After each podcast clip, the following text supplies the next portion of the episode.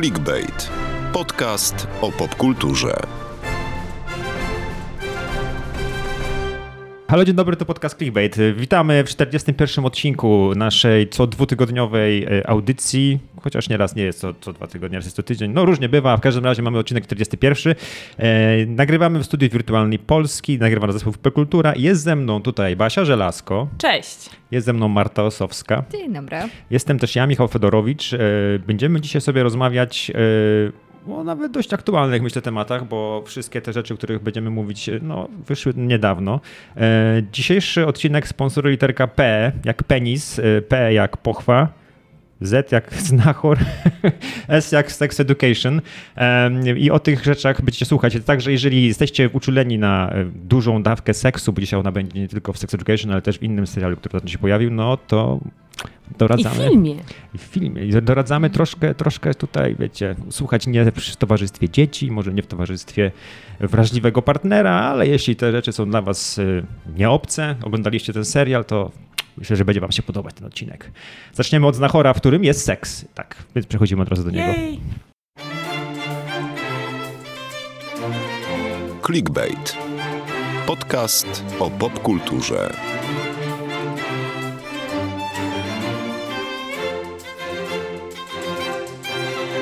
Dobrze, rozmawialiśmy o tym, o tym znachorze o jego masakrowaniu, tak sobie to nazwaliśmy kilka miesięcy temu, przy okazji premiery w ogóle zwiastuna e, i zastanawialiśmy się nad sensem istnienia tej produkcji. Teraz, po tym jak ona została wypuszczona e, kilka dni temu, wiemy już, że no, niektóre z tych wieszczonych przez nas scenariuszy się sprawdziły i ten znachor no, miewa dobre, gorsze momenty, a my porozmawiamy jednych i drugich. Ale zaczniemy może od tego, że ostatnio Marta chwaliła się, że czytała tego znachora Tak. i, i też przykład i chłopów, ale bardziej bardziej skupmy się na tym znachorze. No właśnie, i która ta adaptacja? Bo skupiamy się na tych dwóch, porównujemy zawsze ten z roku 81 i z Drugiego. Drugiego, tak. drugiego, przepraszam, i tą, która wyszła właśnie teraz. No to która jest bliższa oryginałowi? No oczywiście, że ta adaptacja y, Jerzego Hoffmana, Jerzego Hoffmana, a, czyli, czyli ta sprzed 40 lat. Mimo, że i tak zaszły tam pewne zmiany i żadna, żaden z tych filmów nie jest jakby w pełni odwzorowaniem książki, no ale wiele elementów się, się zgadza w tej wersji Hoffmana. No jedynie jest troszkę za- zakończone, e, zmienione zakończenie, ale jest zmienione na korzyść, bo myślę, że każdy pamięta tą kultową scenę, kiedy Piotr Franceski stoi e, w sądzie i, i mówi właśnie, proszę Państwa, Wysoki Sądzie, to jest profesor Rafał Wilczur. Tej Och, sceny nie ma w książce. Siarki. Tej sceny nie ma w książce, nie ma jej też w tym nowym filmie, ponieważ Tak. te słowa, uwaga, będą spoilery tutaj małe, no czy musimy opowiedzieć, no ale książka ma 86 lat w 37 roku, więc spodziewajcie się, że mogą być drobne... y, Był czas ją przeczytać. Był czas, tak. Czy, czy czytałaś? Nie. Nie, Marta ale widziałam w 82 ten, w 82 Ty widziałaś, tak. no dobrze, że widziałaś. Jasne. Ale jak Widziałam ktoś ten się na przykład 82. obawia tego, że książka sprzed ponad 80 lat już jest napisana jakimś anachronicznym językiem, to dementuje, że bardzo dobrze się to czyta wciąż. Jest to napisane takim prostym, uniwersalnym językiem polskim, więc to się broni. Ta książka się broni, tak samo jak broni się wersja filmu sprzed 40 lat. Więc- Nie sądzę, żeby tą wersję Netflixa ktoś za 40 lat chciał oglądać. No właśnie, ja tęskniłem za tą, za tą frazą, którą tu powiedziałeś na początku, czyli proszę Państwa, Wysoki Sądzie, wstaje Piotr Franceski i mówi te słowa. No bardzo mi tego brakowało i ta, i ta strony to jest- zmiana... Właśnie taka kultowa scena, że jakakolwiek próba kopiowania tego od razu jest skazana na porażkę, więc to uważam akurat na plus, że Netflix nie zdecydował się pójść tą drogą. Ale wiecie co, ja przez cały film się zastanawiałam, to która postać powie te słowa? I tak sobie myślałam, no przecież nie ten, bo ten jest zły, ten, ten to chyba nie pasuje. I dopiero na końcu się zorientowałam, że zrobili to tak, tak inaczej, ale w książce zrobili to zupełnie bez sensu. No Okej, w książce zrobili. Autor w książce napisał to najmniej ciekawie, ponieważ do, do tego objawienia doszło na, na cmentarzu, prawda? No, więc bez sensu. Ciekawe, czy byli wtedy fani książki Znachor, którzy oglądając film Jerzego Hoffmana stwierdzili, co, no. co on zrobił, dlaczego powiedział to Piotr Franceski w ogóle, dlaczego Skąd tak. ta scena? No, totalnie mi brakowało tutaj, e, e, a- czyli w, w nowej wersji mówi to córka, e, tak? Dobrze mówię? Córka mówi w, na sali filmowej.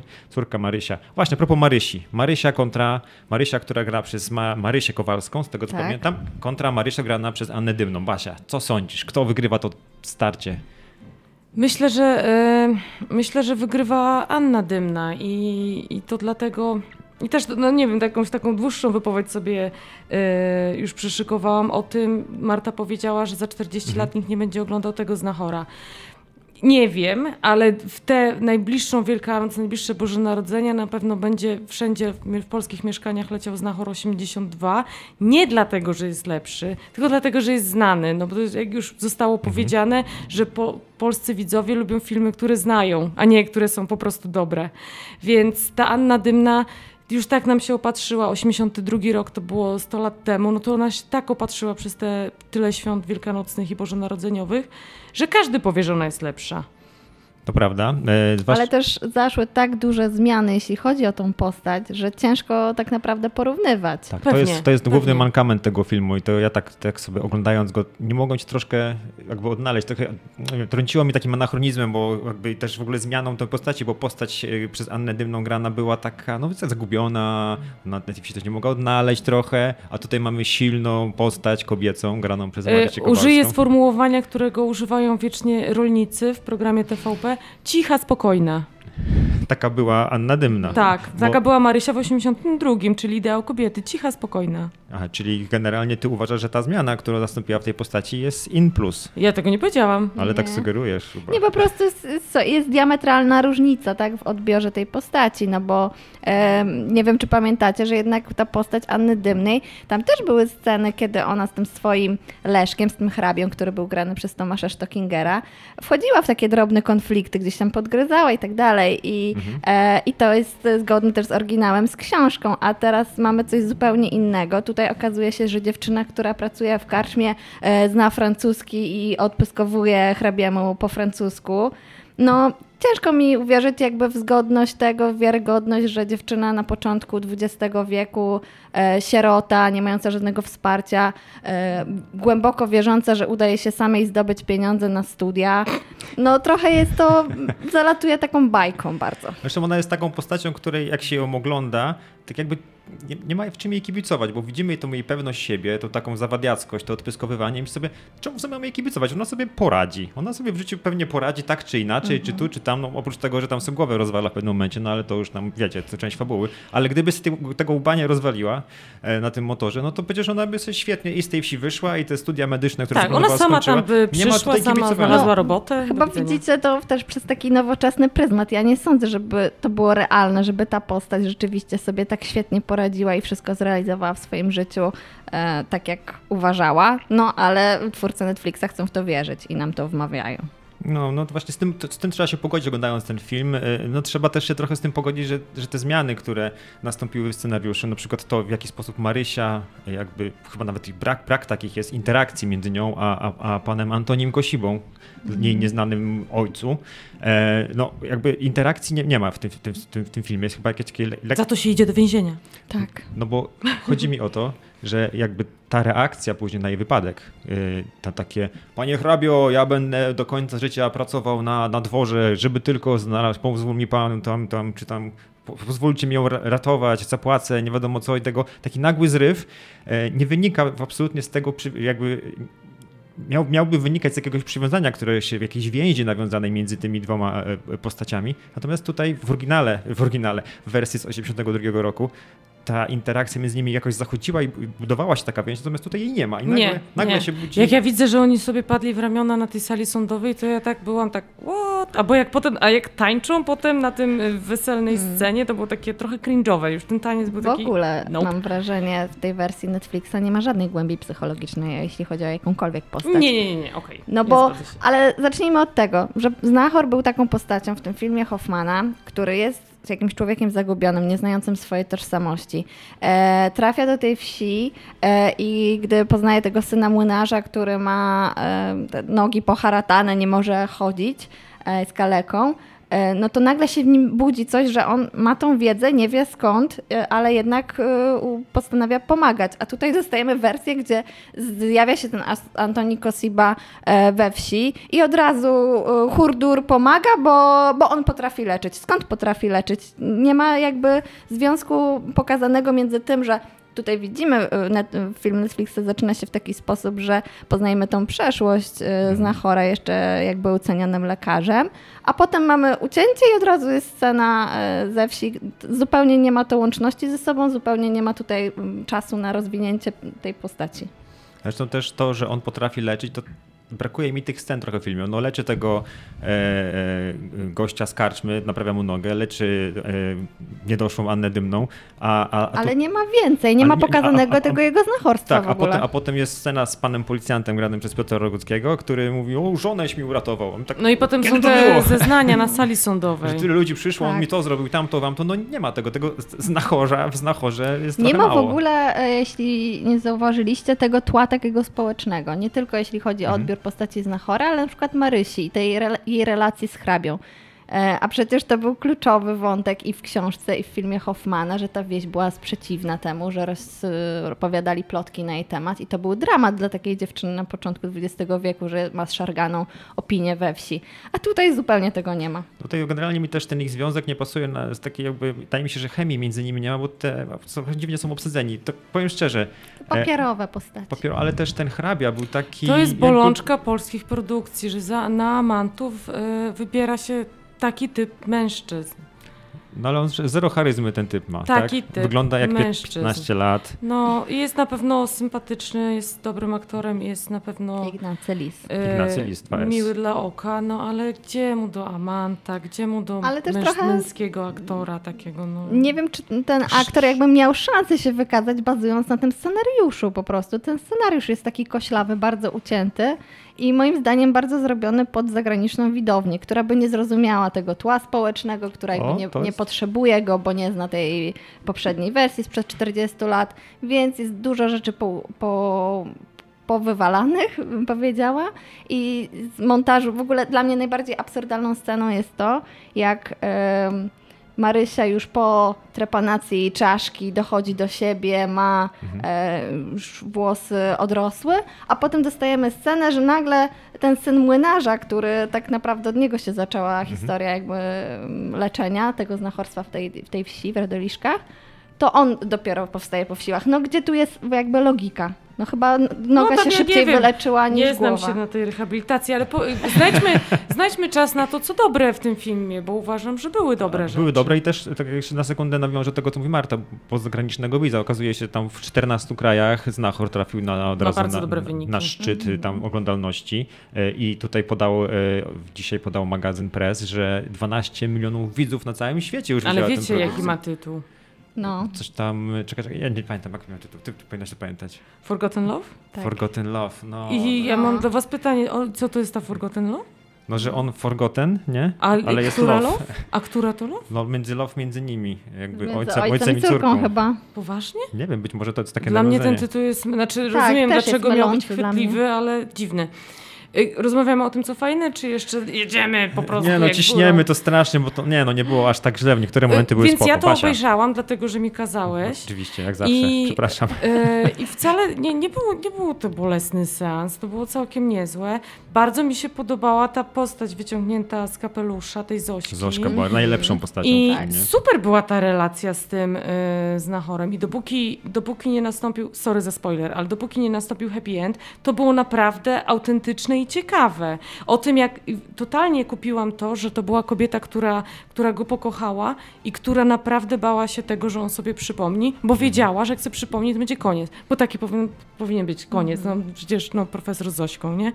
Ale y, bardzo to było poruszające.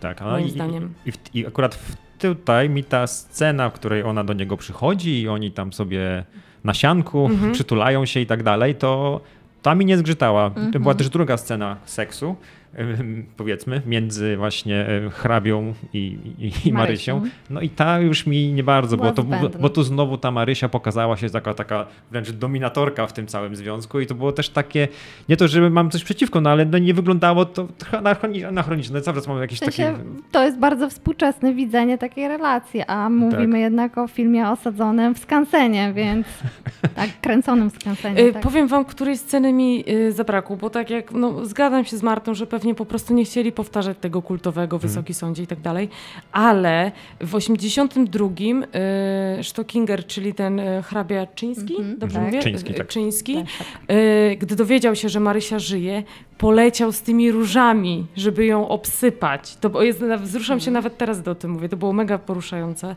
I w dodatku y, Stockinger po latach powiedział, że to była najdroższa scena w całym filmie, ponieważ Hoffman uparł się, że to ma być y, naręcze róż czerwonych i autentycznych. I taksówką z Warszawy do Bielska wwożono wtedy te, te róże dla tej sceny, która miała 11 powtórek ponieważ bardzo mu zależało, żeby te róże tak się rozkładały jak talia kart. I to była piękna scena i żałuję, że takiej, takiej No pięknej sceny nie właśnie, ma ja tym też razem. tak mam wrażenie, że nie ma magii w tym nowym filmie. Może? Może nie ma magii? Na pewno widać tu kasę, taką dość dużą włożoną, bo są ładne zdjęcia, wiecie, tam nie, takie szerokie kadry. Charakteryzacja kamera, tak jest chodzi. świetna. Charakteryzacja, tak, zwłaszcza te sceny z trepanacją, to jest bardzo, bardzo dobre. E, no, i- no i to jakby to, ten całe, to cała ta wieś jest tak pokazana, no nie wiem, no na bogato, no jest tutaj, dużo się dzieje, nie, nie ma biedy w kadrze. I kino przyjechało. I kino jest tak, ale też jednocześnie, to jest jednocześnie plus, a i trochę taki minus, no bo tam wiecie, jest taka scena, kiedy tam ten mały, młody hrabia przyjeżdża i mówi, o ale tu bieda panuje. Patrzysz na to, myślę, No nie widać. gdzie, gdzie jest ta bieda? No kurde, to taka dobra, taka bogata wieś, to Austeria stoi. go nie było. Tak, Austeria stoi, No. tam Żydzi piwo rozlewają, wszyscy, wszyscy na to, wszystkie na to piwo stać. Nie ma tu w ogóle ża- żadnej takiego elementu, który mógłby wskazywać, że to jest jakaś uboga jakby część Polski, tak bym nazwał. No to, to trochę zgrzyta, natomiast ta sama ta Austeria jest, moim zdaniem to jest też jeden z takich ciekawszych, Tak. ciekawszych Ciekawy i fajnie, fa- dodatek. ciekawy dodatek, Tak, fajnie pokazane i takie no sympatyczne, no jakby no, ten właściciel tej karczmy, który tam sympatyzuje właśnie z tą nową kelnerką, tak, że daje jej tam robotę i on się o nią troszczy, taki jakby prawie, że drugi ojciec znachor z niego się Prędzej on może być jej ojcem. Prędzej on tą relację zawiązuje niż sam, niż sam e, Lichota, tak? A propos właśnie. No właśnie, y, może... bo- Może przejdźmy do znachora. powiedzieć- Masia. Warto powiedzieć, uważam, że Lichota absolutnie świetny znachor, fantastyczny, naprawdę bardzo dobry znachor. Ja się obawiałem, że właśnie nie wytrzyma starcia z, z Bińczyckim, natomiast nie przeszkadzał mi. I to jest moja, Świetnie moim zdaniem było. najlepsza recenzja tutaj jego roli. Marta? Jako główna postać jest okej, chociaż ja uważam, że tutaj jakby ten film został tak poprowadzony, że Marysia jest główną bohaterką, a nie Znachor. Eee, no i jednak bym nie porównywała z Mińczyckim, bo dla mnie ten scenariusz jest na tyle słaby, że nie da się obronić postaci Znachora.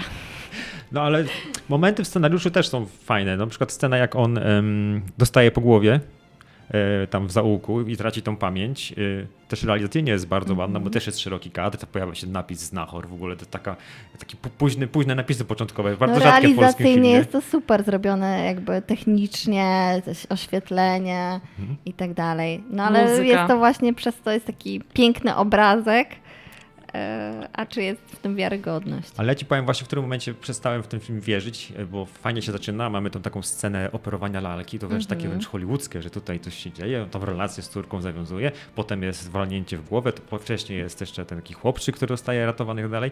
I, i na- nagle ta jego żona wyjeżdża e, i ta Marysia razem z nią jadą do tego lasu, to co jest zgodne z fabułą jako taką. I, i, I ta cała Marysia w ogóle, ten kochającego ojca w ogóle nie pamięta. Przychodzi nowy pan, mówi, ja jestem tam, nie wiem, Jan. Cześć, Leśniczy. Cześć Jan, y, dzisiaj jesteśmy rodziną. Dobra, nara. A gdzie jest, gdzie jest tatusiu? Gdzie ty No właśnie, nie gdzie było, Tak. gdzie- nie gdzie- było słowa tatuś, ja nawet czekałam na to. I No tu ale to mi są takie... I nawet jest najbardziej. e, scena i rozmowy właśnie z hrabią, w której też ona mówi, że jej tata zmarł, więc tak jakby uznawała tylko tego drugiego tatę, e, więc to później trochę średnio zgrzyta z finałem. E, no ale podoba mi się jedynie to, że mamy e, więcej pokazanego e, właśnie tego tła z przeszłości, co się, co się działo ze Znachorem, że widzimy, mm, że jakby był takim lekarzem z misją właśnie, że zawsze był takim dobrodusznym człowiekiem, który rzucał się po pomoc, jak widział, że, że jest ona potrzebna i Doktor to Hilton. jakoś broni tą postać w kolejnych scenach, gdzie widzimy, że trochę są te sceny pourywane i ciężko się doszukać takiej logiczności, dlaczego właściwie ten znachor pomaga. A czy możecie mi powiedzieć, dlaczego cała sala była poruszona, gdy weszła Marysia? W którym, w którym No momencie? sala sądowa. Sala siedzi- sądowa, tak. i wchodzi Marysia i wszyscy są poruszeni. Bo już jakby wszyscy wiedzieli. Skąd? A, no. No. w sumie tak. To teraz do tego o tym mówisz, Dlaczego teraz... wszyscy byli poruszeni? Nie wiem, bo może, nie wiem, myślałeś, że już nie żyje? Może o to chodziło? Ona wyjechała dawno temu ze wsi na studia. Aha, okej. Może No no, nie, sam no. widok, że Dobra, jednak dra- podbicie dramaturgii, bez, bezsensowne podbicie dramaturgii to mamy, okej. No i zakończenie, happy No i- end, weselicho, super było. Chciałam Podwójne. jeszcze jedną rzecz na plus dodać, skoro jest tych plusów niewiele, przynajmniej Dawaj. moim zdaniem. E, Postać hrabiny, grana przez Izabelę Kunę, to jest taka Ale Kuna jedna, jest świetna. ale jest jedna z nielicznych takich pełnokrwistych postaci w tym filmie. Ale nie masz wrażenia, że ona w każdym filmie podobną postać gra? Izabela Nie, Kuna? nigdy Nie. w życiu. A, a teściowie, a, a ladies. Dwie skrajne postaci. Ja prędzej, Ale mi się, prędzej może- mi się z tego jej, jej mąż podobał, bo był taki trochę przez nią zachuchany, a potem taki wiesz, próbował coś tam zrobić. Tu jesteś taka uwaka, nie? I ten Nigdy cię już nie będę słuchał. taki był no, taki sympatyczny, ale no, no, znaczy, nie mówię, że ona źle zagrała, no, to mi pasowała do tej roli, bo no, no, taka mściwa przyszła teściowa, no, Taka zimna. Mhm. zimna. No, Czy i- wyście zauważyli w tym filmie Ewę Szykulską? Nie. Nie. Na samym początku y, jest y, znachorką nad tym po, potłuczonym dzieciakiem, którego ratuje Wilczur. Aha, no, tak, No. tak, tak, tak, tak. Świetna była ta, to maluteńka, cameo totalne. Mi się podoba. O, przepraszam, to były moje pojedyncze brawa dla To Ewy były pojedyncze. I to jest koniec braw, jakie mamy, jakie mamy dla Znachora, no bo co, coś możemy więcej powiedzieć. No, film da się obejrzeć, e, powiedzmy. Nie, ja jestem no, na tak, jest ja to jestem na tak. Tak, na taki przyzwoity, rodzinny seans w niedzielę po obiedzie, spoko. Możecie teraz w każdej chwili oglądać Znachora, nie tylko czekać na kolejne trzy godziny, aż pojawi się na nowym kanale, więc w każdej minucie teraz będziecie włączyć tego nowego Znachora. Ja powiem szczerze, że obejrzałem Znachora i specjalnie sprawdzałem, czy przypadkiem nie leci gdzieś Znachor. Oczywiście Znachor Poważnie? leciał w otwartej telewizji. Od razu mogłem sobie, skończyłem tą, tą i to, co widziałem, to od razu była scena praktycznie porównania e, tego, jak wyglądała scena na sali sądowej, bo to się kończyło, przełączam na, nie wiem, to było chyba stop klatka, nie pamiętam stacji, ciach, jest ta sama scena tutaj, więc Znachor leci cały czas, ale możecie go teraz oglądać sobie w każdej minucie waszego życia na platformie Netflix. Clickbait. Podcast o popkulturze.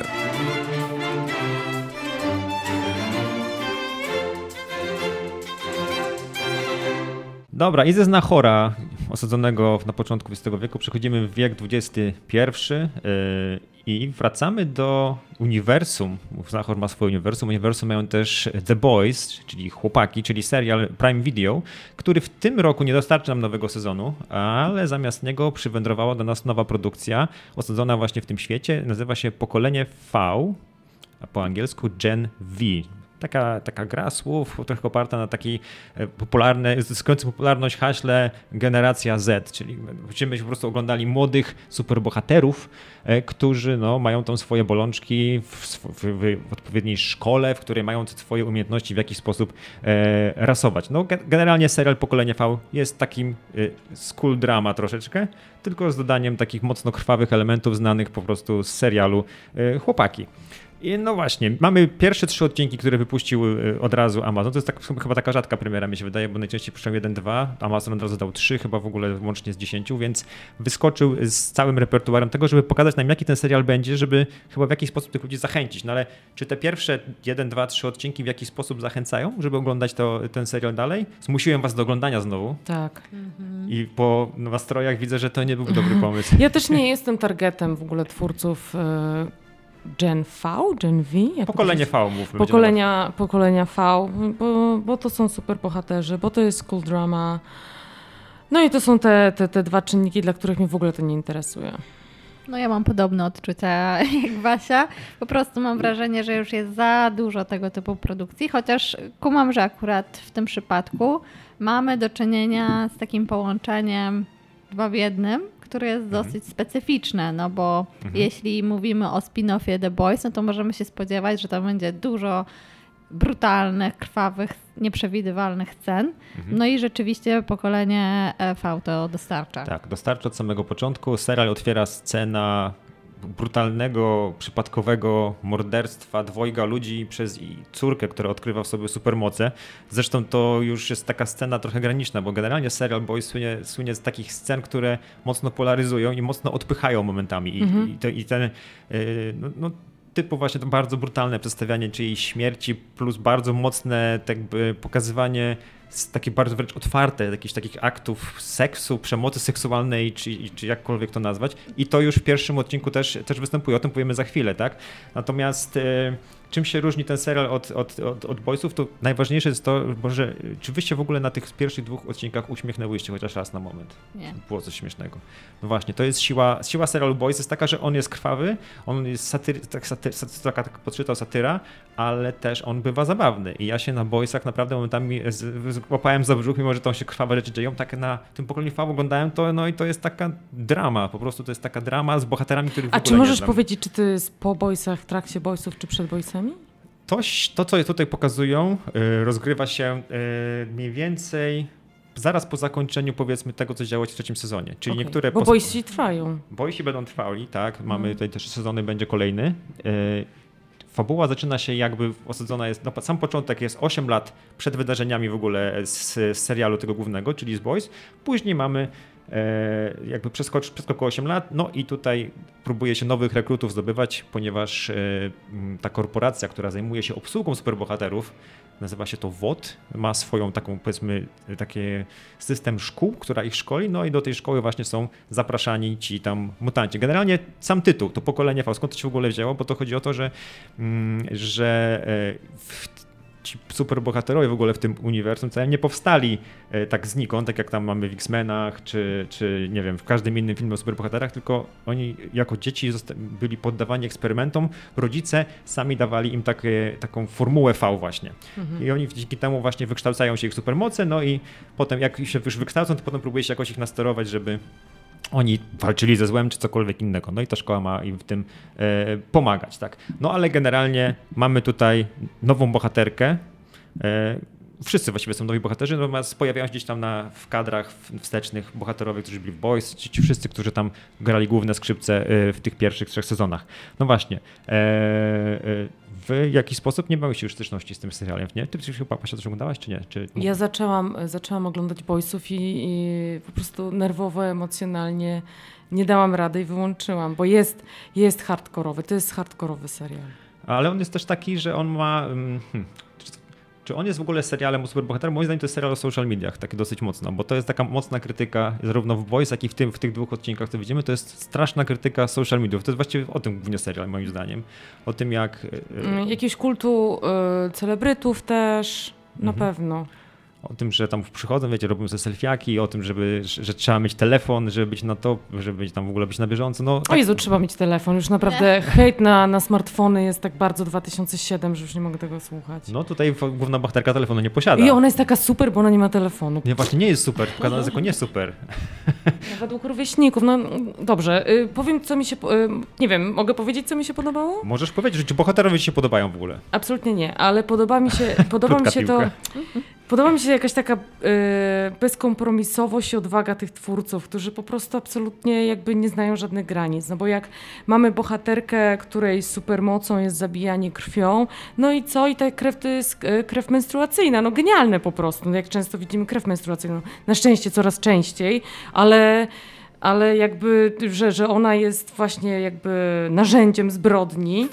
No, no, no bo to pokazuje, że oni i, i to dostaje widz na twarz w pierwszych jakichś tam minutach tego serialu. No super. A czy to, to akurat trochę uściśle, że to nie zawsze jest krew menstruacyjna, tylko w pierwszej scenie. No nie, ale jest tu akurat była i co im zrobisz? Nic. Kontrola krwi i zresztą to jest później też dość skomentowane, że no ciężko będzie zrobić z tego produkt, no bo tam w- Dallas, czy tam w, w Stanach tam środkowych, czy południowych, no nie przejdzie to, że tam kobieta i to krwią będzie tam zabijała ludzi, czy tam ratowała. Tak, tak, bo to też to, to, co mówiłeś, że to też jest satyra nie tylko na social media, na ten kult celebrytów, ale w ogóle na marketing, na, na stwarzanie y, produktów i kultu jakiejś jednostki tylko dla pieniędzy. Do oglądalności kliczków. No, to, to, to- fajne, fajne. Podoba mi się ta taka. E, podoba mi się taka satyra i taka ironia w tym wszystkim. Ale bezkompromisowo i też jest dosyć ostra. No, pierwszy odcinek i scena, druga scena, właściwie taka mocna, która tu się pojawia. No, yy, powiem szczerze, że nikt nie spodziewa się takiej sceny, nie wiem jak to nazwać, prawdopodobnie sceny seksu, Mhm. yy, która była w tym odcinku, bo mamy tam bardzo wyraźne pokazanie męskich genitaliów Rzadko, rzadko się i to to w zdarza. totalnie, w totalnie pełnym wzwodzie. Na, I w ogóle do tego mamy też zminiaturową postać kobiecą, która wokół tego przyrodzenia się tam wokół kręci, więc powiem szczerze, ja wam powiem, kiedy, jak, kiedy ja to oglądałem. Yy, miałem odpalone Prime Video, jadąc Pendolino. O Boże. Ja nie. I nie spodziewałem się absolutnie, że ta scena nastąpi. Nie czytałem niczego o tym serialu. Włączyłeś sobie spin-off Bo Boysów w Pendolino, Tak, nie to- spodziewając się... To jeszcze się ale wydarzy? dobrze, krew to tam, okej, ktoś tam widzi krew, to tam nie, nie- nie przeszkadza, ale ja oglądałem siedząc, wiecie, w, w, środkowym rzędzie z laptopem właściwie na kolanach i nagle tutaj jakby trzymając laptop na kolanach, na tym ekranie mamy wielkiego tego, który wygląda jakby... Nie używamy słowa penis, jak to jest w tym podcaście? Możemy użyć słowa penis. Aha. Wielkiego penisa, który jakby, wiecie, leży na moich kolanach. ja siedzę w Nie środku. twój. Nie mój, ale kto, ale kto mógł wiedzieć? Być może to był mój. Boże. I musiałem tego, tym laptopem tak operować, wiecie. Teraz pokazuję tutaj koleżankom, że biorę pod laptopa do góry, obracałem go tak, żeby I odbijał nikt się od okna. nie odbijał się od powiedz, okna. że dzieci siedziały obok ciebie. Nie, nie było dzieci. Właśnie na wszelki wypadek szybko rozjeżdżałem. Tak zajawimy nasz odcinek. E, Włączył nowy Nie włączajcie serial tego w Pendolino. O, mamy, mamy wystawkę clickbaitową. Mhm. tak, no ale powiedzcie, czy po, czy po takiej scenie chcecie oglądać to dalej? No bo dla mnie to, nie wiem, no to jest, no, to, są, to jest taki humor z chłopaków. To humor może nie jest, no, przecież to miało być w sumie śmieszne, ale w sumie było takie Tam nic nie jest do końca przemocowe śmieszne. było mocno. No. Tak. yy, i no, dwa, jeden odcinek, dwa odcinki, trzy odcinki. Zostajecie z tym serialem, czy nie? Czy nic, absolutnie? Jak, ja mówię, ja mówię, a wy tak macie takie po prostu, że załamane jesteście Ci, tym. ci, ci aktorzy mnie nie interesują absolutnie w ogóle. No, nie. Ale interesował ja nie mnie jeden, się ale zniknął. podczas oglądania tego seansu, tak? No jakby czekałam, czy coś się wydarzy na te mocne sceny, ale tak fabularnie nie jest to dla mnie zachęcające. Zwłaszcza no, przez tę po- postać jednak superbohaterów. Ja jestem tak już anty nastawiona do wszystkich tego typu produkcji, że... No ale wiadomo, że kino superbohaterskie się przejadło już jakiś czas temu yy, i teraz właśnie z siłą The Boys było to, że oni jakby z tym tak próbowali odbrązowić, tak, Tak, pokazać tych tak. superbohaterów, że to są takie skurczysyny, delikatnie mówiąc, że potrafią być też negatywni, źli i, i, i to, było, to było tą siłą i teraz mamy kolejny taki serial, który to pokazuje i czy to już nie jest taki totalnie overkill tego całego nurtu, że w ogóle i po, kino superbohaterskie i antysuperbohaterskie, czy też telewizja antysuperbohaterska, to już jest po prostu na maksa. I ja nie wiem, co można zrobić w tym jeszcze, żeby ktokolwiek chciał jeszcze superbohaterów oglądać, bo czy ja, czwarty sezon The Boys na pewno będę chciał zerknąć, ale czy coś jeszcze w tym temacie o superbohaterach można powiedzieć? Oprócz, jak już mamy ich odbrązowionych, co jeszcze można z nimi zrobić? No chyba nic, no nie? właśnie. No można jedynie robić takie rzeczy, jak wspomniała Basia, czyli rzucać na twarz tematy, których nikt się nie spodziewa. Czyli właśnie taką tematykę mocno kontrowersyjną, tak? No. Tak, no ale to też jest, wiesz, szydzą z tego, że żyjemy w tych telefonach i dajemy się temu poddać, a teraz jest jakby fetyszyzacja tej przemocy po prostu. Ale wiecie co, y, bo ja, ja powiedziałam, że w ogóle mnie, ci aktorzy mnie nie grzeją, ci, Mhm. ci młodzi bohaterowie. Grzał mnie jeden aktor, dokładnie Patryk y, Schwarzenegger, który tam grał i, i już przestał grać jakby w pierwszym odcinku. Ale super, fajnie było, fajnie było zobaczyć syna Schwarzeneggera. Powiem szczerze, że ja nawet nie zarejestrowałem, że to jest on. Słucham? Zaskoczy, zaskoczyłaś mnie tym. Słucham? Zaskoczyłaś mnie tym. Ja myślałam, że on ma być w ogóle takim y, jakby ciągnikiem, takim wabikiem, żeby ludzie włączyli, że zobaczcie, zobaczcie to Włączyli jest, pierwszy odcinek. to jest tylko. Patrick. No. Ja w ogóle totalnie, wiesz, jestem teraz zaskoczony, że to jest... A to, miał, to, no, a ja nawet widząc scenę z nim wyobraziłam sobie, że to jest to zdjęcie, które zrobimy, zdjęcie główne naszego artykułu i Aha. nasza okładka na, na Spotify'u na przykład. Nasza płatka będzie tą krw... no, Nie, no, to będzie właśnie Patryk w płomieniach. A nie ten wielki penis. Albo wielki penis, Tak, zobaczymy. To jest jakby Tak, decyzja jest tak, do na podjęcia. pewno. Google to pokocha. I potem nas ściągną z anteny. Ale nie, absolutnie nie wiedziałem. Myślałem, że to wszystkie, wszystkie, wszystkie twarze w tym serialu, oprócz tych, które znam już z Boys, były dla mnie nowe. A czy ja gdzieś widziałem syna Schwarzeneggera jeszcze? Nie E, W serwisie Gwiazdy WP.pl. Oczywiście, ale czy w jakimś filmie on wcześniej występował? Bo ja, Pewnie tak, no. ale to pierwsza duża rola, no faktycznie, no tutaj mam, no występuje w pierwszym odcinku, nie powiem wam, czy będzie w kolejnych, być może uda się to Może jakoś pos- będzie, no. poskładać do kupy. Jak puzzle. Oj, byłoby co zbierać, nie? Ponieważ jedną z umiejętności, mówię tak śmiesznie się trochę z tego bawię, ale jedną z umiejętności jednej z postaci jest, y, że potrafi mimo oderwania kończy sobie z powrotem przysztukować, więc być może... A gdyby go poskładać, tylko taką kulkę mięsa, a nie w postać ludzką. Nie wiemy, co by się Nie stało, wiemy. Zobaczymy. ale na pewno dobrze by na grillu wyglądał. O, okej, dobra. Dobra, To jest tak zwany overkill właśnie. dobra, idziemy z tego tematu, idziemy, idziemy w seksy bardziej. Jeszcze bardziej. Jeszcze bardziej w seks. Do zobaczenia za chwilę, usłyszenia za chwilę. Clickbait. Podcast o popkulturze.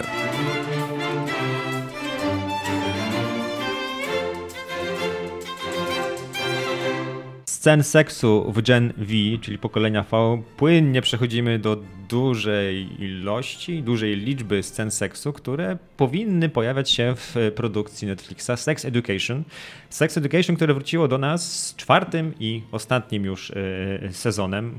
W sumie to ta, mimo tej pandemii, która, która tam jest za nami, to kolejne sezony pojawiały się co roku. Ja w ogóle powiem szczerze, że ja z Sex Education spotkałem się dopiero wczoraj, bo przez te 4 lata nie dane mi było oglądać oprócz e, odcinków żadnej, żadnego z tych sezonów, ale zdziwiłem się, że są w 19, 20, 21, a nie, może było jednak przerwy, bo w 19 był pierwszy. No, ale to i tak jest mało, mało. Jak w 4 lata można zrobić właściwie cały sezon, to jest dosyć duża taka chyba logistyczna, e, logistyczne wyzwanie, nie? bo to się dzieje w miasteczku, gdzieś w Walii, to jest Walii. Faktycznie kręcone w Walii? Tak, to... tak. To ten dom, a ten dom, gdzie mieszka Otis, Czyli e, serialowy, z, ze swoją serialową mamą, jest do wynajęcia na bookingu. A, na bookingu. No. Bo ja myślałem, że to jest generalnie powiedziane, że to jest gdzieś tam w Walii, a tak naprawdę gdzieś to kręcone, nie wiem, gdzieś są... E, W studiu Universala w Los tak, Angeles. w Los Angeles. Ale, no. ale jest to serial brytyjski. Tak, Tak, można tak. powiedzieć. Tak, tak, tak. I to- Dlatego jest taki fajny. I to dla mnie też było zaskoczeniem, ponieważ ja spodziewałem się, że to jest serial amerykański. Dlaczego? Dlatego, że ma metkę Netflixa. Nie wiem, ja w ogóle o tym serialu Sex Education nie chciałem go oglądać, dlatego, że ma seks w tytule. Ja się Mhm. boję seksu na ekranie, generalnie. E, Dlatego oglądasz The Boys. Dlatego, I się ich nie spodziewam, że tam są, są tam takie sceny. Nie, naprawdę. Cztery lata, ten serial ma już czwarty sezon i ja wczoraj obejrzałem dopiero pierwszy odcinek. Yy, tylko dlatego, że mnie do tego zmusiłyście. Tak, tak jak ja was do boju. Przykrość za przykrość. Dokładnie. Ale, ale w sumie właśnie nie, to nie była przykrość. Mhm. Yy, Basia, ty miałaś do mnie takie pytanie. Jak pamiętam początek serii? Bo ja pamiętam teraz najbardziej. Bardziej od ciebie, nie? Pamiętasz, no jesteś bardziej świeżo niż ja. E, Co jest dla mnie zaskakujące? Czemu ja nie oglądałem? Bo myślałem, że to jest taki serial na poważnie, że to jest taka drama, a pierwszy odcinek był śmieszny. Ja się na nim śmiałem. Ja Nie spodziewałem się, że to będzie tak zabawne i, i mimo, że tam są różne cringe'owe sytuacje, nie czułem się taki zakopotany tym, co oglądam.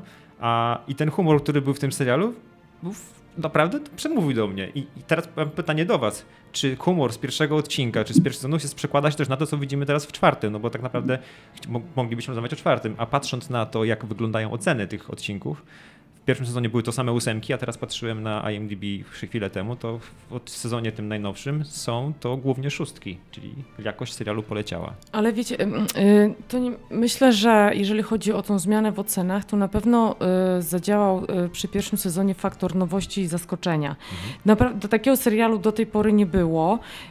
On pojawił się właśnie dzięki Sex Education, że jest, no i jest odważny, jest śmieszny, ale nie jest wulgarny, nie jest jakiś taki y, wymyślny, bez sensu, jak, jak zrobiliby właśnie Amerykanie. I dlatego on został przyjęty z takim entuzjazmem. A teraz, kiedy oglądamy to po raz czwarty, tych samych bohaterów i te, te, te same historie, no to ktoś już może sobie myśleć, "O Boże, nic wielkiego, już to widziałem. No mamy tutaj właśnie bohatera Otisa, Mhm. takiego chłopaka, który ma matkę, która jest seksterapeutką. Mamy jego kolegę, e, Erika? który jest. Który pochodzi z rodziny o gańsko-walijskich korzeniach, chyba tak, bo jego, to, to, to z Gany są chyba jego rodzice, z tego Tak. co zrozumiałem. E, no i który jest homoseksualistą. Mamy też e, May, Maeve, dobrze pamiętam to Mhm, imię, mhm. e, która pomaga temu Otisowi założyć taką, nie wiem, uczelnianą instytucję będą, pomagającą innym w leczeniu jakichś tam zaburzeń seksualnych, tak można nazwać, jakichś terapeutycznych. Nie. No, taki prowadzi seks y, terapię w szkolnej toalecie. Tak.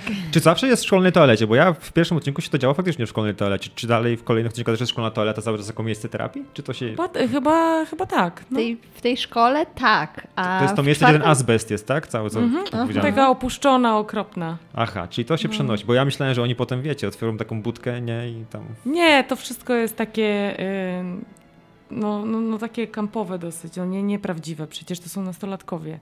Jedynie w czwartym sezonie to się zmienia, bo Mhm. bohaterowie trafiają już do nowej szkoły, która jest taka super nowoczesna, super tolerancyjna i otwarta. Mhm. Ta nowa szkoła wygląda jak fabryka czekolady. Tak, Ta, ta Williego.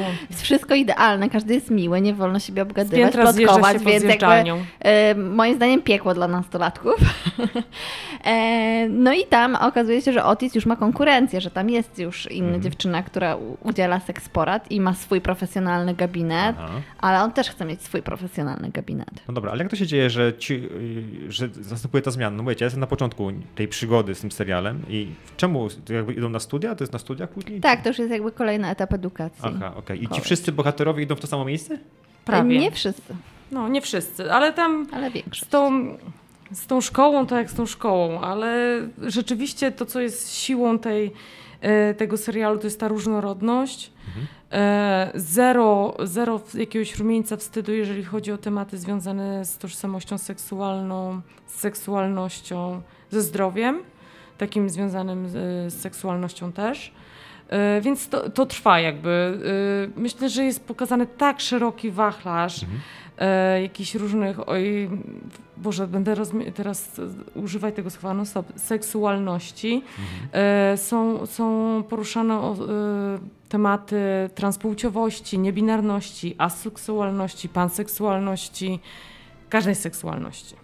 Ale mówisz, że nie ma rumieńca. Ja w pierwszym odcinku właśnie to chyba ewoluowało, bo jakby rumieniec jest dość duży, zwłaszcza u głównego bohatera na początku. Tak, który... tak, ale mówię o twórcach, że oni że jakby nie, nie, nie mają nie problemu się. z tym, nie? Poruszają każdy, poruszają każdy temat. No i jest to super właśnie, że mimo, że jest to tak pokazane, że nastolatki mają z tym problem i gdzieś na początku obawiają się gdzieś o tym mówić otwarcie, no to potem jednak sięgają po te porady i szukają wiedzy naukowej, a nie tak jak za naszych czasów to były porady z Brawo.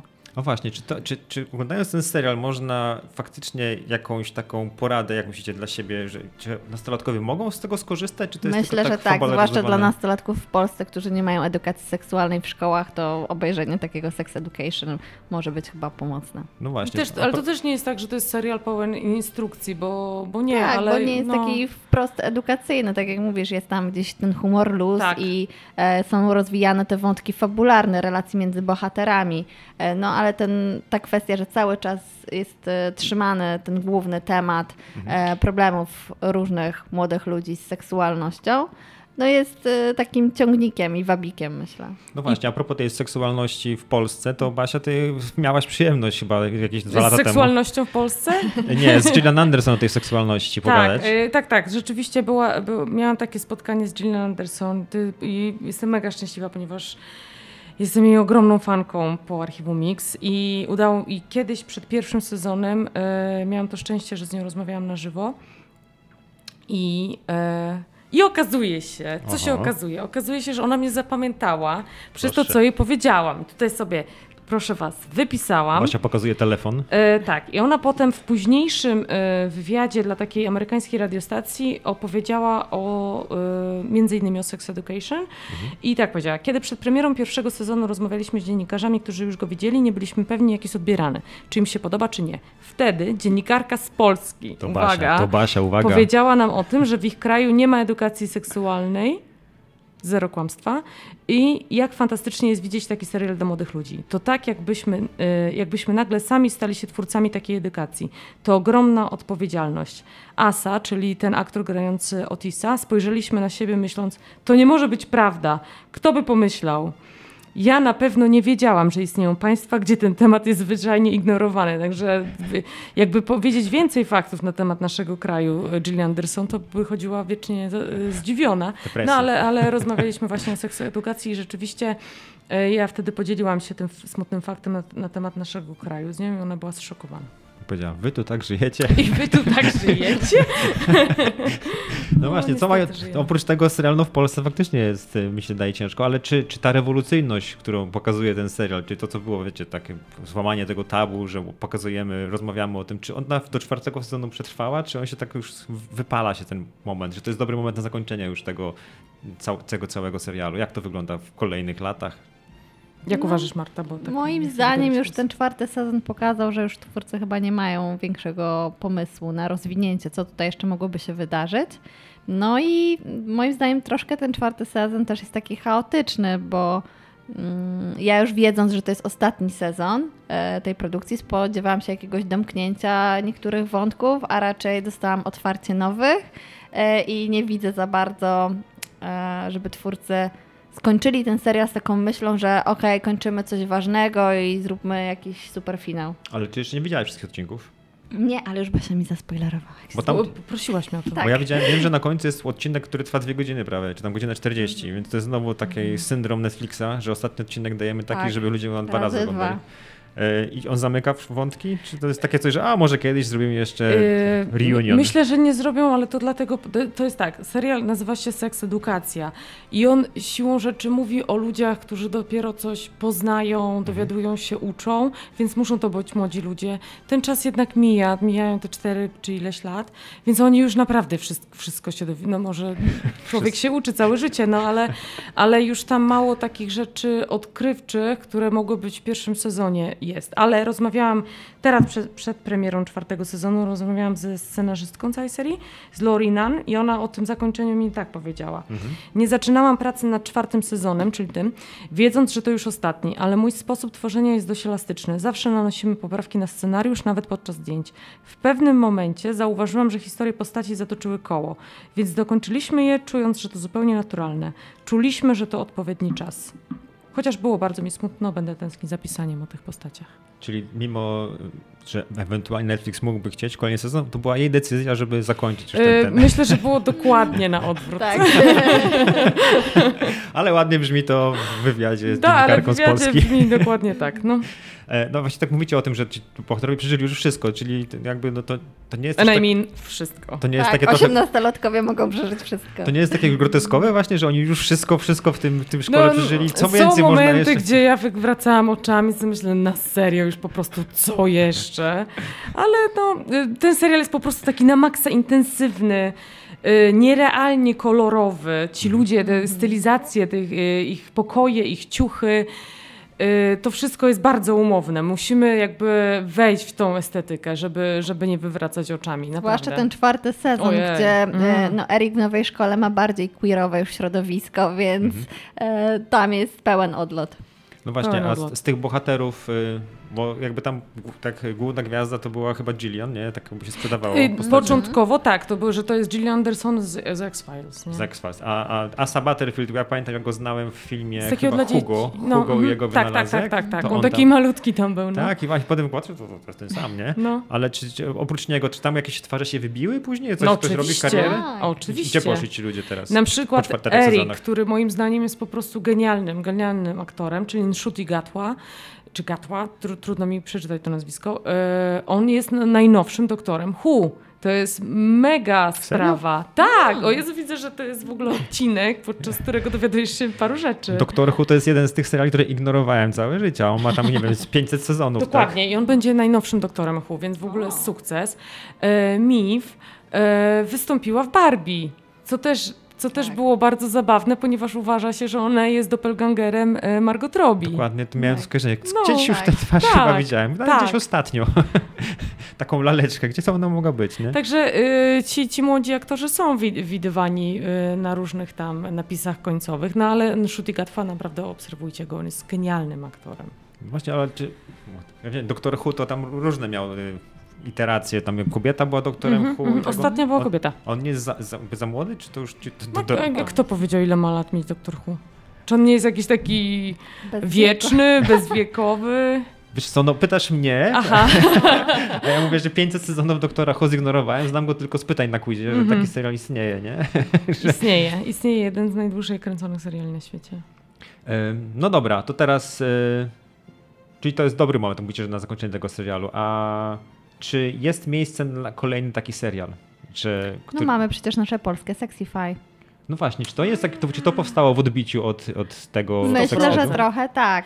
A Marta Chociaż... dużo na ten temat wie. Tak, bo na początku rozmawiałam z twórcami, Mhm. mamy już po dwóch sezonach i na pewno powstanie też trzeci. E, No mi się podoba, że poszli troszeczkę w inną stronę, żeby tą edukację seksualną pokazać ze strony technologii, że możesz sobie, tak jak jesteśmy przecież do tych telefonów e, już przywiązani, to e, że można jednak w taki sposób zamiast szukać sobie na przykład na Tinderze partnera, no to można lepiej poznać jakby swoje preferencje, to co jest dla nas istotne, ważne, zdobyć jakąś wiedzę Mhm. naukową. No ale tak po drugim sezonie też wydaje mi się, że powoli ta formuła się, się wyczerpuje.